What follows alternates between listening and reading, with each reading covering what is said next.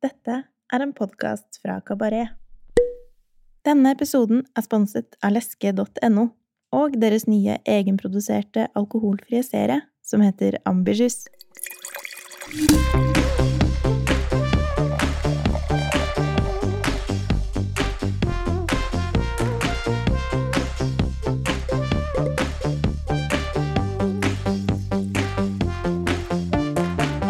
Hei, velkommen til uh, Ukas vin, en podkast fra Kabaret, der vi hver uke tester én vin som vi enten digger eller har trua på. I denne episoden har jeg med meg Tore Christian Lie, restaurantsjef fra Arakataka. Vinen den kommer fra Loire i Frankrike, som er en av mine personlige favorittregioner. Har, uh, har du noen spesielle regioner du drikker mye fra om dagen, Tore? Hmm, jeg prøver egentlig å være så all over som mulig det jeg drikker vet, men uh, kanskje Savoie seilt opp som en liten, uh, liten favoritt. Enig der, altså. Eh, Domaine Moss de har lang fartstid som eh, naturhelter på det norske vinmarkedet, men dette er første overgang i Norge av deres etterspurte petnat Moussa Mosette, som nå har vært tilgjengelig i et år eller to, tenker jeg, men det er altså første årgangen som er i, i, i landet. Ekteparet Agnes og René Moss har holdt til i landsbyen Saint-Lambert de Laté i Anjou siden eh, 1999. Eh, Tidligere så drev de en eh, populær vinbar i byen Tours, og ble inspirert av eh, lokale vinmakere som eh, Jean Piton og Francois Chidin til å starte egen produksjon. I dag så dyrker paret totalt 17 hektar eh, vinmark etter biodynamiske prinsipper. 9 hektar er plantet med Chenin Blanc, 3 hektar med Cabernet Franc, eh, sammen med litt Cabernet Sauvignon, faktisk, og resten med Gamay, Chardonnay og Groyot. Domaine Moss de jobber så enkelt, rent og naturlig som mulig i både vinmark og kjeller. Alle vinene de modnes på brukte fat, og de hvite gjennomgår som regel eh, alltid eh, malolaktisk gjæring. Det er eh, helt klart de hvite kuveene til Moss som er de mest anerkjente, men i tillegg til Mossa Mosette er også den røde kuveen Le Gros en superkul vin som er verdt å sjekke ut. Mossa Mosette den er da basert på 25 år gamle vinstokker planta i et eh, jordsmonn av kalkholdig leire og skifer.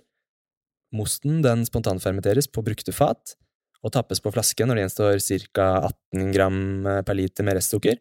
Deretter er det annengangsgjæring på flaske til vinen er tilnærmet eh, tørr. Druesammensetningen i, i Moussa Mosette den varierer litt fra år til år, men i 2017-utgaven, som vi drikker i dag, er det 70% Pinot de Nice og 30% Groyot. På polet så koster den 299,90. Skal vi kanskje smake litt, eller? Det syns jeg. Ganske så frekk, uh, ufiltrert, lysende rosa farge, i hvert fall, i glasset. Ser veldig innbydende ut. Syns du om nesa på den? Det er ganske, ganske ren til å være en eh, 100% naturlig petnat. De kan jo ha litt uh, dominerende gjærpreg iblant, men den her syns jeg er ganske ren og fruktdrevet. Veldig rent og, og, fint. Litt sånn her lys, lyse rødbær. Jeg har fått litt sånn her sitrus eh, Litt sånn skalltone, nesten. eh, Absolutt. Personlig. Sitrus kanskje det er litt sånn rød retning, som blodappelsin og grepfruktretning. Enig. Enig. Det er ikke, noe, det er ikke mye funk og fanteri her. På smak, hva er førsteinntrykket ditt? frisk, delikat salt. Veldig sånn sak. Veldig sånn eh, deilig salt eh, finish eh, på den. Rent og fint eh, også i, eh, i munnen, syns jeg. Veldig enkelt å drikke. Ja, helt klart. Det er fresht. Veldig fruktdrevet, da. Men samtidig så har den et lite sånn eh, jordlig, pepperaktig touch, som jeg syns både Pinot de Nice og Groyot kan ha. Jeg syns det er ganske sånn druetypisk, selv om det er en petnat. Petnat kan jo ofte kamuflere druen litt. Ja, det kan ofte kanskje smake vel så mye av uh, vinifikasjonen som uh, druen uh, om bord, holdt jeg på å si. Det, det dukker egentlig opp flere og flere lag etter hvert som den får uh, stått litt i, i glasset. Blant annet de her litt mer sånn peppertonene som jeg er veldig enig i at jeg altså ofte finner i spesielt Pinot, Pinot Nonis. Mm. Veldig leskende og frisk petnat. Skal vi prøve å oppsummere vinen i eh, tre ord? Jeg synes det er ganske sjarmerende, leskende Mm. Rødbærsfruktig. Ja. De tre ganske beskrivende Sjarmerende, leskende og rødbærsfruktig. Det kan ikke være gærent.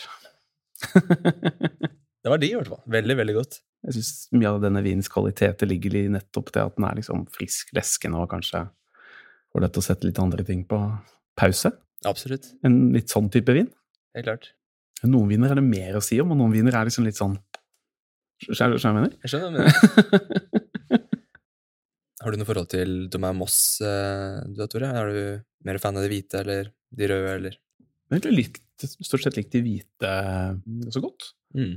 Litt sånn rikere, litt sånn sødme på dem iblant. eh, Litt annen stil enn de andre favorittene mine i uh, Loire, kan man si. Litt sånn annen, men jeg synes veldig gode, gode viner. Absolutt.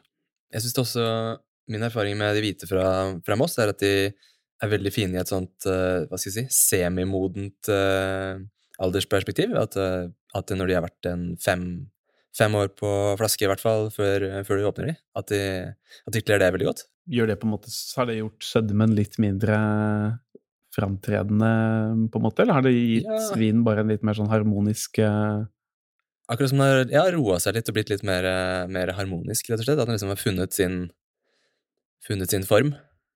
Eh, spesielt eh, Arena Savnier Cuven syns jeg har vært eh, helt topp når den har vært i ja, sånn fem til åtte år på flaske. Jeg har ikke, ikke smakt noen av dem såpass såpass alder. Det burde jeg, det burde jeg definitivt gjøre noe med.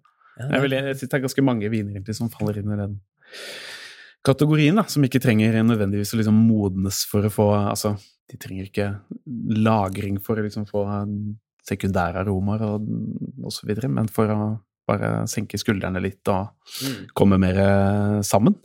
Ja, det En del viner man kanskje burde latt ligge bare, så bare et år eller to. Eh, Jeg syns det er mange viner som viser seg veldig mye bedre da. Ja, Helt klart. Mens du på en måte har det primære intakt, men ja, ting henger bedre sammen. Spesielt kanskje disse, disse vindmakerne som jobber i en reduktiv stil, sånn som, eh, sånn som oss gjør. Ja. Det er jo et eh, poeng dette med prisen på Petnat. De har jo økt ganske voldsomt den siste tiden. Ja, det er en del viner som, eh, som kanskje er liksom i eh, det litt sånn enkle, leskende sjiktet som jeg syns på en måte denne havner på rett side av Ja, på rett side, eh, for min del i hvert fall. Men eh, ja, en del ting som kanskje har blitt såpass dyrt at eh, ja, man blir litt usikker på om det er verdt, verdt prislappen. Ja. Pettat er jo, det er jo ukomplisert. Ja, og da, når det er en ukomplisert leskende vin med en ganske markant prislapp, så blir det litt sånn Da kan man begynne å stusse litt iblant. Ja. Denne syns jeg havner sånn akkurat der den skal være. Ja. Ikke noe særlig høyere. Den ligger på 299. Mm. Eh, det finnes jo, Du får jo Petnat om dagen som koster 400-450 kroner. Da begynner det å bli ganske stivt. Ja, det konkurrerer på en måte med veldig mye annet eh, som er veldig, veldig høy kvalitet og veldig, veldig flott. Mm, Så da, ja, da tenker man seg om både kanskje to-tre ganger. helt klart. Helt klart. Et lite poeng å nevne der er jo at eh, prisene har gjort et ganske voldsomt byks eh, som følge av eh, koronaepidemiens utbrudd. Mm. Det gjorde jo at europrisen gikk til himmels, og veldig mange viner fikk et ganske stygt eh, prishopp eh, våres. Det blir ikke, noe, blir ikke noe hyggeligere etter det, akkurat, disse Petnat-prisene. Nei, og det er jo Ja, Petnat som du nevner, er jo um, en av de stilene hvor uh, ja, det er mye som er uh, godt, og det er en litt sånn ukomplisert, leskende vinstil, uh, der kanskje mye av nettopp kvaliteten i vinen er at du kan få noe veldig godt og behagelig å drikke til en ganske hyggelig penge, som uh, skiller, tidligere har skilt det veldig markant fra mer klassiske regioner og stiler, da den grensen som prismessig har kanskje begynt å bli mer og mer visket ut. Så da er det jo ja, smak og behag og, og spørsmål om liksom hvor mye man syns det er. Uh, jeg har vel selv vært borti en del eksempler hvor jeg kanskje syns det koster, begynner å koste litt mer enn det smaker, da. For når du begynner å eh, kjøpe petnatter som ligger på sånn 400-450 kroner i pris, da konkurrerer de jo med det rimeligere segmentet av for eksempel champagne, Ja. hvor man kan begynne å diskutere om produksjonsmetode eh, egentlig gjør at eh, det ikke burde vært priset sånn. Mm. Jeg har noen, en kompis som blant annet har nevnt det at uh, Petna skal ikke betale noe penger for, det er jo så enkelt å lage. Det koster mye mer å produsere en god champagne. Har du noen tanker om det? Jeg vet jo produsenter som legger ned veldig mye arbeid i uh, nettopp Petnat. Testalonga er et veldig godt uh, eksempel. Da. Han har jo lagt ned veldig mye tid og ressurser i sine Petnat, som jeg syns er uh, blant de mer vellykkede eksemplene på det norske markedet. Fantastisk flotte viner til en pris som jeg syns er høyst forsvarbar. Og til å være fra Sør-Afrika? Ja. det, er ikke, det er ikke bare bare, det. Men det er klart at ja, det er jo uh, petnat og klassisk metode uh, er jo på ganske to på to ganske ulike nivåer når det kommer til arbeidskraft som er involvert i Eller tid, da. Tid og ressurser mm. som er involvert i, i, produksjonen. Det burde jo gjenspeiles noe i prisen. Loire er jo også et av disse områdene hvor det produseres enormt mye forskjellige stiler. Mm. Det er jo et enormt område. Det ja. kunne jo vært flere, flere regioner, egentlig. Uh, hvor de produserer alt fra musserende viner laget på Chenin Blanc, men også musserende viner laget på røde eller blå druer. Mm. Uh, det lages tørre og søte viner både på Sauvignon Blanc og Chenin Blanc. Mm. Det lages røde viner både på Cabernet Franc, og, men også Groyot og og et par andre lokale rariteter. Har du noen underdistrikter eller produsenter som du har noe spesiell forkjærlighet for? Den soleklare favoritten min er Gibertot. Det er liksom uh, Ja, jeg ble ganske parkert første gang jeg smakte de vinene. Det var litt sånn redefinerende for min del. Eh, det er veldig mye annet veldig veldig godt i, i området, men det er liksom uh, en litt egen, egen, liga for, for min del. Også en helt annen stil enn Moss. da. Veldig mye mer sånn skarpskårne, presise viner, mens Moss kanskje lager en litt mer sånn sjenerøs og rik stil, kan man si. Mm. Uh, Brendan Statter West, som på en måte er uh, Romain Gibertos protégé, lager jo også veldig veldig flotte viner. Viner som jeg syns vil ha godt av å gi litt tid. Mm. Um, Kun Horeka, dessverre. Det er uh, foreløpig. Ja, det er veldig viktig. Gibertot er jo altså en, en, produsent som holder til i Saumur, ja, stemmer ikke det? Stemmer.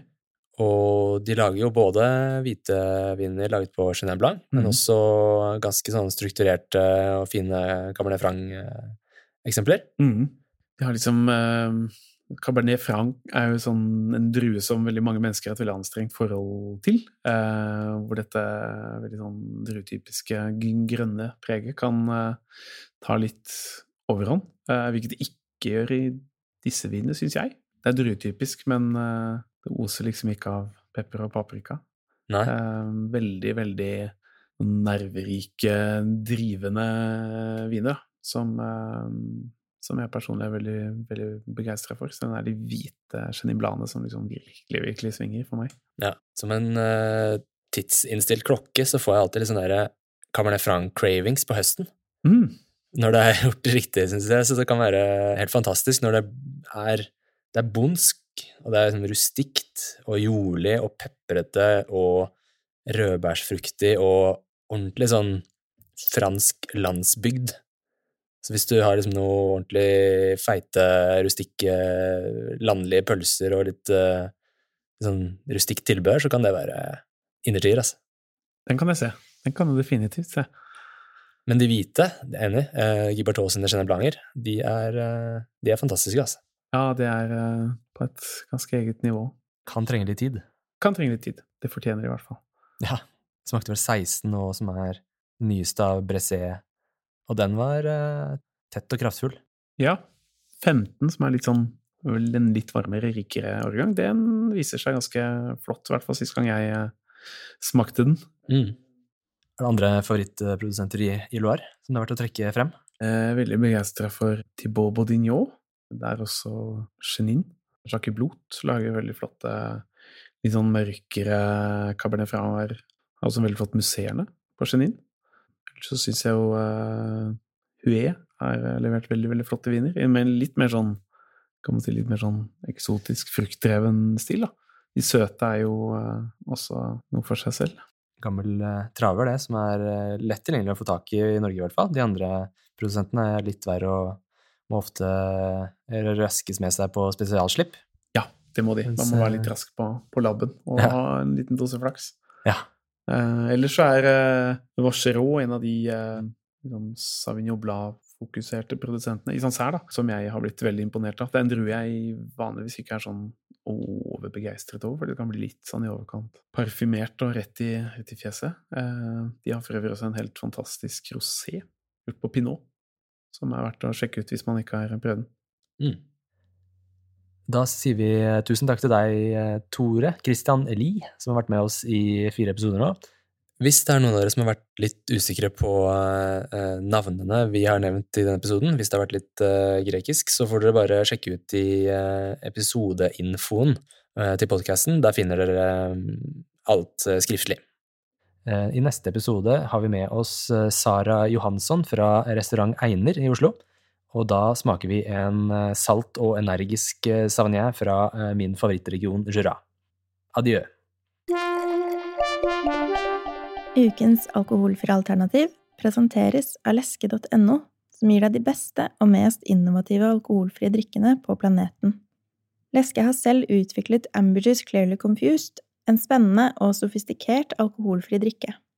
Inspirasjonen er utallige turer i skog og fjellheim. Ved hjelp av tradisjonelle bryggemetoder, kombinert med moderne og innovativ teknologi, har de gjort ekstrakter, fermenteringer og destillater på ingredienser som einebær, kvannrot, multer, epler og rosmarin, for å skape en krisp, fruktig, aromatisk og musserende aperitiff. Drikken er perfekt til spekemat eller for eksempel snacks som ost og salte mandler. Du som hører på podkasten Ukas vin, kan allerede nå bestille Amberjuice Clearly Confused på leske.no amberjuice. Og for sikkerhets skyld, det staves AMBIJUS. URL-en finner du også i episodeinformasjonen.